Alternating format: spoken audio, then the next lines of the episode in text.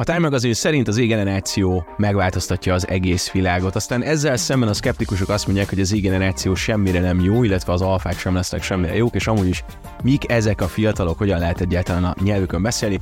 Erről beszélünk az égeneráció szakértővel, Trunk Tamás WT-vel, aki a Sneakerness Fesztivált is uh, ugye tető alá hozza pár nap múlva itt Budapesten, illetve ezzel párhuzamosan különböző YouTube, könyv uh, és mindenféle média tartalom az, ami az ő nevéhez fűződik. Szóval vele beszélünk arról, hogy mit kíván a jövő generációja.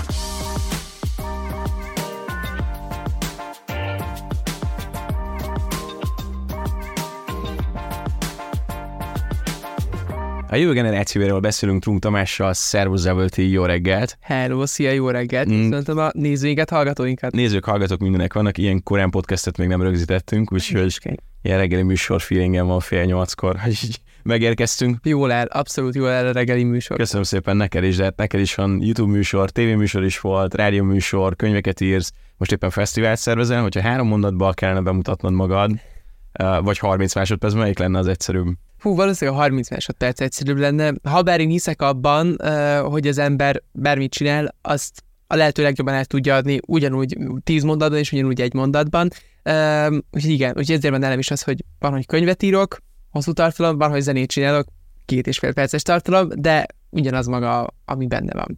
Ugye ezt, ezt próbálom követni, de hogyha be is kéne mutatnom magam, akkor igen, alpesi jelő vagyok, könyvszerző, új generációs merka tanácsadó itthon, külföldön, Ausztriában, és a ez Budapest szervezője és licensz tulajdonos. Ez nagyon érdekes, hogy az alpesi síelést vetted előre, mindig is az volt az első. Mindegyik egyben van, tehát ezek egyben működnek tök jól. Sokan gondolják azt, hogy ez így rangsorolva van, hogy ez van elől, ez van alól, nem, ezek, ezek, ezek egymást építik nagyon jól. Az alpesi síelés nem egy olcsó sportág, tehát ezt finanszírozni is kell, tehát magam gyűjtöm a szponzoraim, akik piaci alapon megdolgozok, plusz ugye minden bevétel, amit csinálok, akár a sneakernetből remélhetőleg egy, egy, egy fél hónap múlva, az minden a síszezonon finanszírozására megy, és közben persze mindkét oldalról tudok táplálkozni. Azt gondolom, hogy külön az, hogy nem csak egy irányba megyek és egy helyen ütközök falnak, hogyha egyszer kihívás van, az segít abban, hogy ne is égjek ki, és tudjak új inspirációt gyűjteni több különböző oldalról. Ezek jól, jól meg, meg így egymással, de abszolút az, az mindig ez egy ilyen gyerekkori kortól induló álom, hogy a sírésben a világkupa 30 bejussak szlalomban, és amúgy most így, ami hatalmas dolog, hogy idén most realisztikusan arról tudok beszélni, hogy ez a cél a szezonra, hogy a legjobb 150 ember kerüljék a világranglisten, ami világkuba rajta jelentene, úgyhogy az, ami még nem volt um, magyar születésű, magyar színekben versenyző versenyzőnek. És hogy érzed? Mert ilyenkor gondolom mindig megvan, hogy a szezonban most éppen jó fizikai állapotod, jó kajád, nem tudom, pont igen, úgy vegyem. Igen, igen. Abszolút jó. Tehát most uh, tényleg az étren is tök jó, az a fizikai állapot is nagyon jó mindenképp, nagyon sokat edzettem most így egész nyáron felkészülésben, és a forma is nagyon jó. Most voltam például Albert Popovval, bolgár világkupa dobogós jelővel három napot teljesen egy ledzeni beengedett, fantasztikus volt, hatalmas tanulási folyamat is volt. Úgyhogy jónak érzem a formát, abszolút az gondolom, hogy az idén meg lehet, úgyhogy készülök már a versenyekre is, mert hát hamarosan itt a verseny, ez nagyon várom. Egy világklasszistól inkább a sportban tudsz tanulni, vagy inkább a beszélgetések számítanak, vagy számítottak abban a három napban? Mindkettő nagyon sokat. Ugye az is, hogy az ember a pályán nézi, azt érzi, hogy volt egy jó menete, meglátja őt, hogy és azt mondja, hogy jó, még rá lehet egy picit pakolni természetesen, van még itt, van még több lehetőség, van még uh, egy hosszabb, hosszabb cél, és közben persze a beszélgetésig is, de ami pedig nagyon jó, és azért a szintén a tanulás mellett ez egy nagyon nagy magabiztosságot ad, hogy, hogy időeredmény szempontjából nagyon jól is sikerült az edzőidőszak, közel voltam hozzá, úgyhogy, úgyhogy ez motivációt is adott sokat. A sportra és a személyes életedre a végén rá fogunk térni, viszont hogyha már itt különböző generációkról beszéltünk, mert akkor gondolom egy generációval feletted van. Így van. Beszéljünk arról, hogy milyen generációkkal dolgozol te együtt, meg milyen generációk léteznek, mert hogy ahhoz, hogy te meggyőzz a szponzorokat, ahhoz, hogy brandeknek adjál tanácsot, X, Z különböző generációkkal beszélgetned kell. Te most hogy kategorizálnád így magadat? Tehát te tipikus Z generációs fiatal vagy? Figyelj, szerintem nincs ilyen, én nem szeretek így kategorizálni, hogyha van ez az Z-generáció és ilyen az Z-generáció, főleg az Z-nél látható az, hogy mert itt egy generáción belül is több generáció alakult ki. Tehát a közösségi médiának és a digitális térnek köszönhetően, ezeknek a véleménybuborékoknak köszönhetően teljesen különböző szubkultúrák, kultúrák, identitások alakultak ki, amik fontosabbak és nagyobb relevanciával bírnak, mint valaha korábban. Ez azért érdemes erről beszélni, mert most már ha az ember akar egy kampányt és el akar érni az Z-generációt, akkor nem elég csak azt mondani, hogy ez most egy Z-generációs kampány, hanem ott konkrétan egy z-generáción belüli kultúrára kell célozni, és, és ahhoz kell szólni, egybe az z-generációt nem lehet megmozgatni, nincs mert szerintem olyan, hogy tipikus z-generációs. Um, Ettől függetlenül igen, tehát közben még, amiről is szintén érdemes beszélni, azok az alfák is, akik már jönnek, és, és akikről szintén ezt a beszélgetést már el kell kezdeni. Um, és közben, ahogy mondod, tehát folyamatosan több generáció érintkezem, azt gondolom, hogy sokszor különben a teljes generációs különbségek és szakadékok túl vannak nagyítva, és túl vannak hype hiszen mi is csoda, hát az elmúlt évek során um, nagyon sok kutatást láttunk, nagyon sok felerősített különbséget láttunk, nagyon sok hype-ot kreáltak, hiszen persze minden generációs kutatónak kell egy probléma, amit meg tud oldani végül, tehát sokszor hallhattunk olyat, ami nagyon túl volt nagyítva. Azt gondolom, hogy ha persze vannak különbségek a generációk között, és, és persze más szociális, digitális, innovációs közegben nevelkedünk és szocializálódunk, attól függetlenül az alapbelső ösztönök azok nem változnak, és sokszor úgy tettek, főleg korábban azt mondom, hogy ezt ne sikerült kicsit megtörni, hogy ezek az új generációk egy teljesen más fajként működnek. Valóban ez ugye nem így van. Persze vannak különbségek, kell néhány dolgot fine de azt gondolom, hogy lehetséges a generációs megértés. Hát most akkor most ráfókuszálnék a különbségekre. Csak nyugodtan. Ilyen szempontból, hogy mi ez a legnagyobb tévhit igazából, mondjuk akkor hívjuk ezt, nem tudom, fiataloknak? Hívjuk csak Aha. egyszerű gyűjtőnévként fiataloknak? Hú, olvasd az első könyv, ahogy mondta. nem, egy zöld könyved van a polcomon amúgy, de még nem sikerült eljutnom a fellapozásába, de hozzám jutott. Uh, nagyon gyorsan de, de, amúgy pont, de amúgy pont, pont ezt, ezt is, erről is írtam, hogy ezt 13-14 éves írtam, de pont ott az egyik, egyik első mondat szerintem, hogy hívjuk fiataloknak a fiatalokat, és ne pedig generációra kategorizáljunk, de persze beszélünk a különbségekről, abszolút vannak. Egyrészt azt gondolom, hogy tényleg vagy a, hogy egy olyan tévhit, az egy klasszikus tévhit például pont az, hogy ez a generáció nagyon egysíkú és nagyon egyoldalú. Sokan gondolták azt, és sok konferencián beszéltek évekig arról, hogy itt van az új generáció, tulajdonképpen a globalizációnak és a digitalizációnak köszönhetően mindenhol a világon. Ugyanazt a tartalmat érjük el, ugyanazt tudjuk fogyasztani, szinte ugyanolyan lehetőségeink vannak, és akkor azt gondolták ebből sokan arra fordították le, hogy egy teljesen ugyanolyanok is lettünk ebben a generációban, miközben pont az ellentét történt, és ezt úgy várható is volt, hogyha visszavezetjük akár Huntington, vagy akár Fukuyama elméleteig, hogy el fog jönni az identitások harca, és eljön az a kor, amikor tényleg a különböző identitások és kultúrák ütközni fognak, az most jött igazán el, mert pont, hogy a közösségi média az jobban kiemelte ezeket a, a személyes, belső, meghatározó erőket, mint valaha korábban. Ugye ezt annak is köszönhetően persze, hogy azért hogy ezért egy sokkal erősebb exhibicionizmusban is nő fel, és él ez a generáció, vagy ez az új generáció, és ezen kereszt pont az, hogy hogy mindig bent volt minden meg generációban, hogy mi az, amit őt meghatároz, mi az, ami őt hajtja, az már normális se vált, hogy um, vagy hát egy normális, mert ez nem minősítem pozitívan a normális hogy ezt meg is mutatjuk ki, is nyilvánítjuk. Törni az érdekes, hogy nekem azt tűn most fel, amit elmondtál, hogy régen a zenéknek köszönhetően kategorizálták be magukat az emberek. Voltak rockerek, emósok, nem tudom, imádták Madonnát vagy Lady Gagát, most nem a zene az, ami a fő fókusz, hanem különböző tárgyak, vagy ahogy mondtad, ilyen hype -ok. Legyen szó arról, hogy valaki kriptovalutákkal bizniszel, legyen szó arról, hogy valaki startupot indít, vagy legyen szó arról, hogy valaki imádja a cipőket. Abszolút így van, ugye különböző szenvedélyek, témakörök köré épül, persze én azért ezt úgy szeretem, tehát alapvetően itt szerintem nagyon fontos látni, hogy ez annak is köszönhető, ugye a közösségi média algoritmusoknak köszönhetően véleménybuborékokban tehát mesterségesen alakítja ki azt, hogy te valamilyen klaszterben az érdeklődési köröd. Mondom mesterségesen, hogy elindulsz egy irányba, akkor nagyon könnyen beleragadsz abba az irányba. Egy valamit keresel, mindig azt fogod visszakapni. Régen az, aki többet keresett, az, vagy ugye olyan értelemben többet keresett, hogy többet kutatott, tehát hogy többet akarta magát edukálni, az egyértelműen az volt, aki, akinek egy sokoldalú tudása is lett. És ma ez nem mindenképp így van, vannak kutatások, amik azt mutatják, hogy olyan magasan végzett egyetemisták, akik sokat keresnek az, az interneten, sokat kutatnak online, egyoldalú tudással rendelkeznek végül, mint azok, akik csak így felületesen bele-bele kóstolnak dolgokba, mert őket nem viszi annyira be ez a véleménybuborék. Um, azt is látni kell, hogy például ezen keresztül egy túlgenerá- túlreagáló generáció is lettünk, tehát nagyon sok minden, amíg nem kerül be ebbe a kis buborékunkba, addig meg sem mozgatja a figyelmünket, és akkor abban a pillanatban, hogy egyszer csak oda bekerül, ez egy ilyen több százezerszeresre felnagyítja, és az válik a fő témenke, amíg egyszer csak elmúlik a hype és kicsúszik, és akkor újra nullára lemegy, és különben, ha bár persze nem egy, azt gondolom, hogy egy sokkal hosszabb távú hype beszélünk itt, és a borékot azt nem minősítő mondom, de például akkor most az Azaria koncertnél és a sold out is azt lehetett persze látni, hogy hirtelen mindenkinek a vélemény buborékába betört ez, hogy úristen sold out az első koncert, és akkor hirtelen még háromszor elfogyott minden jegy, mert egyszerűen annyira felnagyította a közösségi tér, ugye erősítve egymást közben az offline médiával. Tehát a TikTokon lejött az, hogy ez, hogy ez megjelent a, a tévében, és a tévében aztán újra megjelent az, hogy ez lejött a TikTokon, és ezek még így egymást erősítették, és lett egy ilyen hatalmas hype. Tehát, hogy valahogy így működik jelenleg ugye ami mi digitális terünk,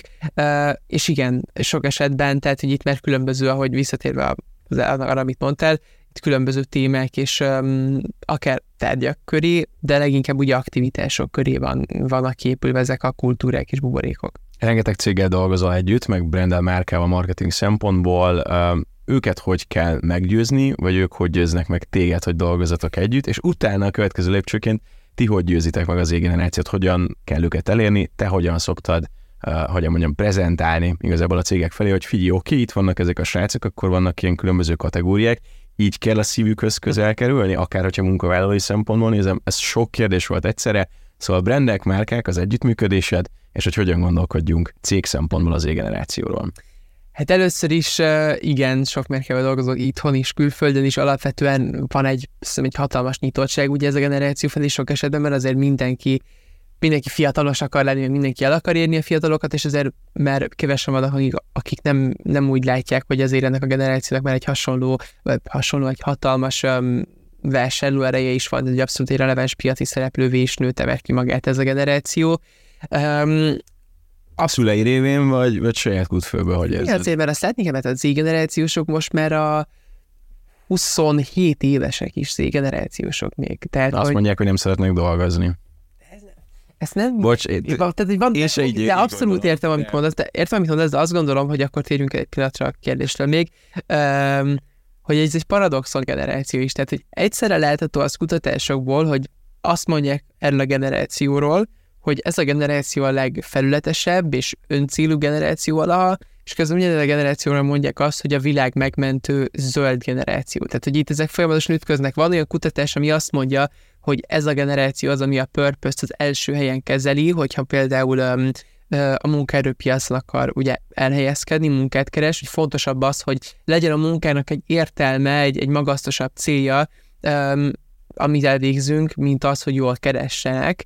Uh, miközben ugye ezt, ezt lehetni kell, hogy ezek, ezek sokszor ellentétesek, mert aztán van olyan kutatás, ami azt mutatja meg szintén, hogy ennek a generációnak most már újra a pénz az első, és újra az anyagi javakat követik, persze ott van a purpose, de közben az anyagi érték is fontosak. Amúgy arról is érdemes szerintem beszélni, hogy abszolút a, csak egy ilyen kis oldalsok is, is lábjegyzetként, hogy a purpose azt mondom, hogy abszolút releváns a generációnál, csak sokan azt felejtik el, hogy pont ez a, ez a purpose, ez nem csak egy ilyen, nem csak egy zöld világmegváltó uh, munkahelyként tud megnyilvánulni az életünkben, hanem például a hónap végén is érdemes purpose beszélni, és sokaknak az a purpose um, szerinti munkahelyválasztás, hogy keressenek jól ahhoz, hogy aztán a hétvégén abból tudják finanszírozni azt a témát, ami valóban foglalkoztatja őket. Visszakérésedhez, hogy lehet merkeket meggyőzni? Hát azt gondolom, hogy hogy itt már van persze egy, egy folyamatos beszélgetés, a nyitottság abszolút megvan, és, és hát legtöbbször megkeresem engem, tehát én nem küldök ki, ki ajánlókat, és, és stb.,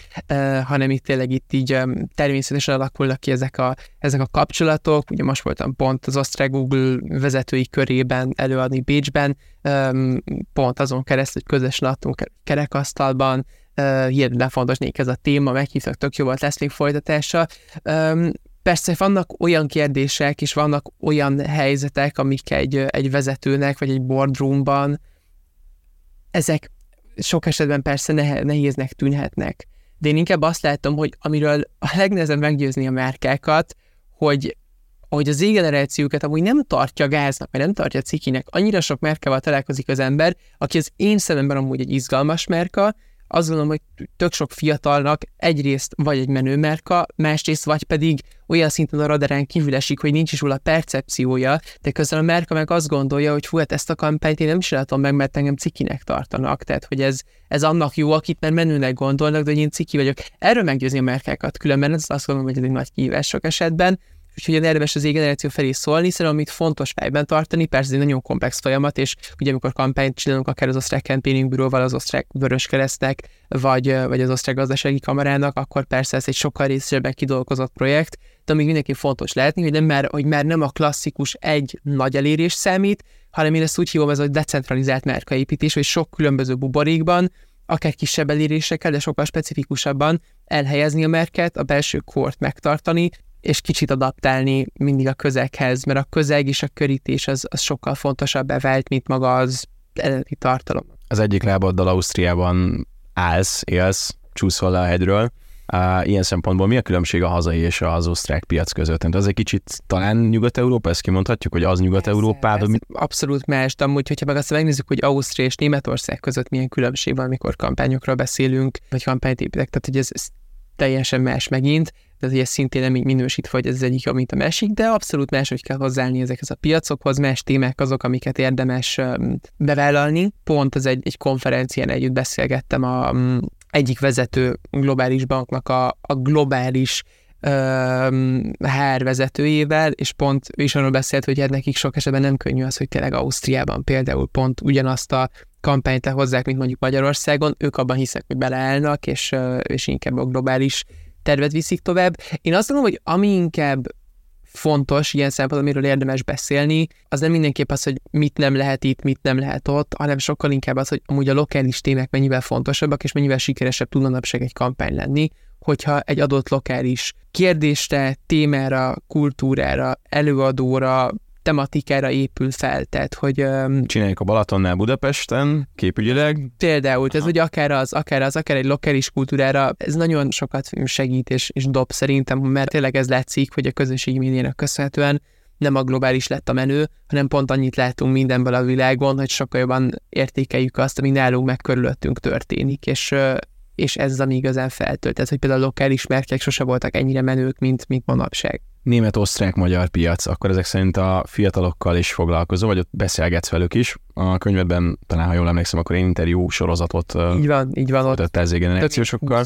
Különböző országban. Akkor így monitorozod azt, hogy mit gondolnak ja, mások, az vagy... most, persze, az most ez egy 20, ez egy 20 fős beszélgetés volt, ami izgalmas és izgalmas inputokat ad, és persze képeket ad országokról, de azért ennél mélyebben is kell és érdemes ezt monitorozni. Persze itthon is van, van ugye egy és egy követő bázisom, amin keresztül folyamatosan naponta nagyon-nagyon sok fiatal ír, akikkel beszélgetek, kapcsolatban vagy, vagyok velük, közben évek óta minden nyáron Oxfordon kétítés kurzusokon vagyok, külön a világ minden pontjáról érkező fiatalokkal, és azon túl meg igen, tehát hogy mindegyik különböző országban és, és világban tulajdonképpen élem a szociális életem is, és ezen keresztül is tanul az ember konferenciákon vagyok minden különböző országban, szintén ott is nagyon sokat lehet az ember, hogy hol mi a trend, hol mi épp a releváns kérdés, úgyhogy ez egy ilyen komplex. Várj, te a fesztiválokon, illetve konferenciákon be vagy épülve a szervező és előadó közegbe, a másik oldalon beszélgetsz egy csomó fiatal, tehát és hogy kvázi... Én hallgatni sem, de én nagyon hmm. szeretek hallgatni. Különben persze szeretek előadni is, és beszélni, tehát hogy amikor én egy konferencián ott vagyok, mint speaker, akkor elképesztően sokat lehet közben ugyanúgy tanulni és, és hallgatni a, a többi előadót. Azt mondom, hogy ez nagyon fontos is. Csak arra akarok rátérni, hogy te vagy ott középen a híd, és hogy te mit látsz tényleg valódi kihívásnak. Tehát, hogy azon kívül mondjuk a brandek, vagy a fiatalok, vagy a felnőttek, vagy a média állít percepciókat erről a generációról, meg arról, hogy hogyan működik. Valójában szerinted mi a legnagyobb ilyen kihívás ott középen a magban, ami mondjuk a elcsúszik? Aha, aha, hogy Én azt gondolom, neked van-e ilyen saját? Egy nagy kihívás tud lenni merkeknél. Az pont az, kérdezted ugye, hogy milyen a merkek nyitottsága. Tehát, hogy alapvetően a nyitottság generáció felé szerintem a legtöbb cégnél és a legtöbb márkánál már megvan. Amit nagyon fontos belátni, és amit fontos, hogy márkának helyesen kezelni, az az, hogy nem elég itt csak ezt a, a képet az égenerációról szeretni, vagy ezt az égenerációs kultúrát szeretni, hanem valóban nyitottnak és kíváncsinak kell lenni az individumokra, ahhoz, hogy tényleg egy valódi kapcsolat létre tudjon jönni, és valóban el lehessen ezt a generációt. A Beats by Dre felgató volt egy kampánya, teljesen más társadalmi téma kapcsán, de azt mondom, hogy ide is nagyon igaz, hogy you love my culture, but do you love me? Tehát, hogy szereted a kultúrámat, de engem szeretsz. Tehát, hogy nagyon sok vezetőnél lehet azt látni, még mindenki vezetőnél, de nagyon sok mindenkinél a cégeknél, az irodákban lehet azt látni, hogy alapvetően, ó, oké, érjük el az égenerációt, tök jó, mindenki, mindenkinek ez a menő, de aztán, hogy eljön az a pillanat, hogy valakivel szemtől szemben valaki z generációs, és elkezdődik ez a párbeszéd, akkor visszajönnek ezek az asszociációk arra, hogy az a fiatal, aki ugyanennyi idős volt, nem, nem tudom, nem verte meg velem a, a liftet, hogy vagy nem köszönt reggel, vagy nem vette le a cipőjét a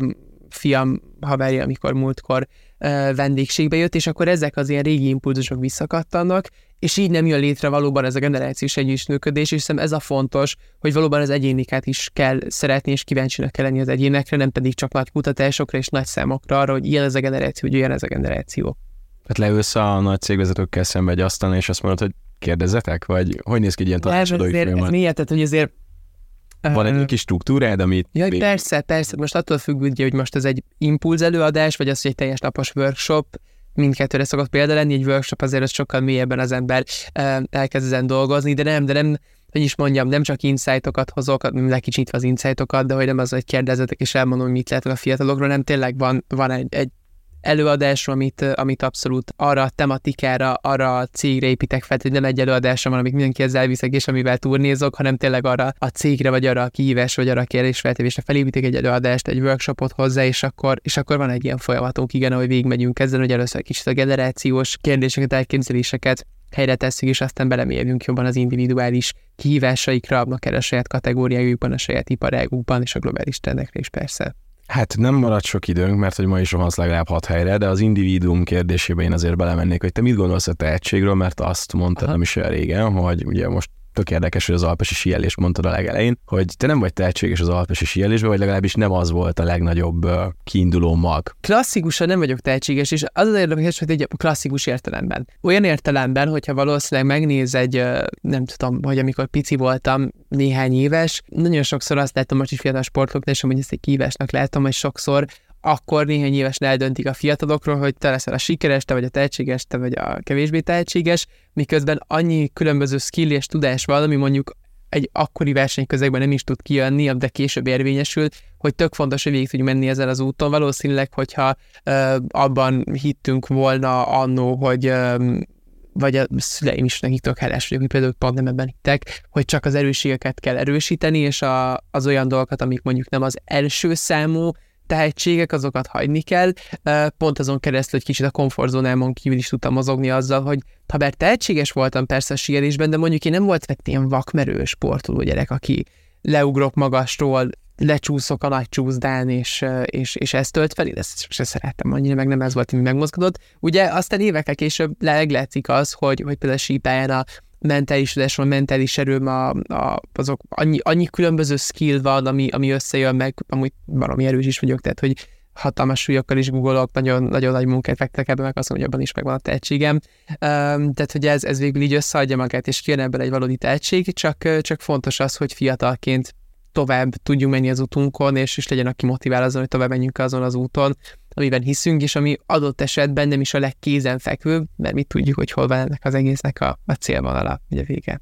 Ugye mondtad, hogy a legjobb 150 közé szeretnél bekerülni, én gondolom akarva akaratlanul is hasonlítgatja magát az embert. Ehhez hogy állsz, és van ehhez kapcsolódva a jó tanácsot, hogy nézzük-e, hogy mások mit csinálnak, gondoljunk-e bele abba, hogy mi hol tartunk, vagy az át, át tud fordulni rosszba. Nálam Itt... sokszor van olyan, hogy látom azt a social médiába, Insta storyba, hogy na basszus, ez meg de jó, vagy nem tudom, ezt csinálta, és hogy és soha nem leszek ilyen ügyes, nem fogom tudni elérni. Volt egy ilyen pillanatod? Azt gondolom, hogy a sportban persze a sport az, az egyrészt persze a versenyről szól, tehát hogy akarva akaratlanul össze vagy hasonlítva a sielésben uh, másokkal. Uh, azt gondolom, hogy ez egy tök pozitív dolog is tud lenni. Én ha nekem az ilyen social médián keresztül, ú, neki de jó, neki de jó, ez kevésbé van meg, de persze a sportból, a sportból ez, ez abszolút egy ilyen jelenlévő szituáció, hogy az ember versenyez, akkor, akkor valaki győz, valaki lassabb. Én azt gondolom, hogy, hogy ez pillanatnyi impulzusként tök jó tud sokszor lenni. Tehát, hogy ez a kis plusz motiváció, meg az a kis plusz löket meg legyen, ami az embert egy adott helyzetben motiválja, arra néha jó tud ez lenni, de, de hosszú távon nem szabad ebben gondolkodni. Tehát, hogy ez, ez nem viszi az embert sehová, tehát, hogy a saját purpose mentén a saját útját kell járnia, hogyha folyamatosan azért tesz valamit, hogy a másikat lenyomja, vagy a másiknál jobb legyen, vagy hogy, hogy ugyanazt elérje, mint a másik, akkor ez, az, az nem fog célra vezetni, hanem tényleg a saját utat kell járni, és azzal lehet tényleg sikere törni, és aztán néha persze merítsünk, innova, innovációt, merítsünk inspirációt a körülöttünk történő dolgokból, lehet ez tényleg bármi a közegből, azt tökre fel tud tölteni, de, de végül a motivációnak belülről kell jönnie. És aki nem tudja, hogy mi a célja, azt keresse meg? Azt gondolom, hogy mindenkinek most már tényleg egy olyan világot élünk, hogy, hogy tényleg az látszik, hogy, hogy minden különböző szenvedélyből és témából lehet valahogy egy, egy üzletet építeni, lehet egy, az ember vállalkozóvá tud válni, úgyhogy azt gondolom, hogy, hogy, hogy igen, kutasson ott, hogy mi az, ami őt mozgatja, mi az, ami őt tényleg előre viszi, és, és lássa meg azt, hogy hogy lehet abból többet kreálni. Én mindig abban hittem, hogy bármi is foglalkoztat engem, nem kommercializálni akartam azt, de hogy, hogy nem akartam csak fogyasztó lenni, hanem valamit akartam kreálni, ami valahogy egy többletértéket kreál a közegnek abban a világban szintén. Ugye ezért is van nekem a Sneakerness, mint esemény a Sneakerness Budapest, ami pont azért azért, azért eseményt szervezek ekkor, és azért nem lett cipő voltam, pedig az elsők között adtam el cipőket amúgy még 2016 hétben itthon, mert nekem az is sokkal szimpatikusabb út volt mindig is, hogy hogy fiataloknak egy ilyen plusz perspektívát adjak, egy nemzetközi valamit idehozzak, ami, amin keresztül ők meglátják azt, hogy mi minden mennyivel több van ebben, mint a drága cipők, mennyire sok különböző témához lehet ebben kapcsolódni, mennyire megéri nyelvet tanulni, mert itt van aztán a sok menő külföldi eladó, meg, meg személyiség ebből a kultúrából, akikkel lehet beszélgetni, kapcsolatot építeni, itt van közel a világ, úgyhogy én ebben hiszek. Hát ilyen egy jó marketinges, hogy még a termék promót és a szolgáltatás promót is becsempész az utolsó három másodpercre. Figyelj, pontosan annyi időnk volt, mint amennyit beszélgettünk. Trunk Tamás, nagyon szépen köszönöm, hogy eljöttél. Köszönöm meg. Inspiráló gondolatébresztő beszélgetés volt, és akkor értem szerint, ha lesz kérdésünk az generációhoz, akkor most a reklámért cserébe műsoridőn kérdezünk. Jó, köszi szépen, hogy itt vagyok. Köszönöm, köszi a szuper kérdéseket. Ti pedig a továbbiakban is tartsatok velünk, és regisztráljátok a Cube-ba, boschrexrot.hu per Cube. Itt tudtok eljönni az innovációs élmény központunkba. Minden jót találkozunk két hét múlva csütörtökön.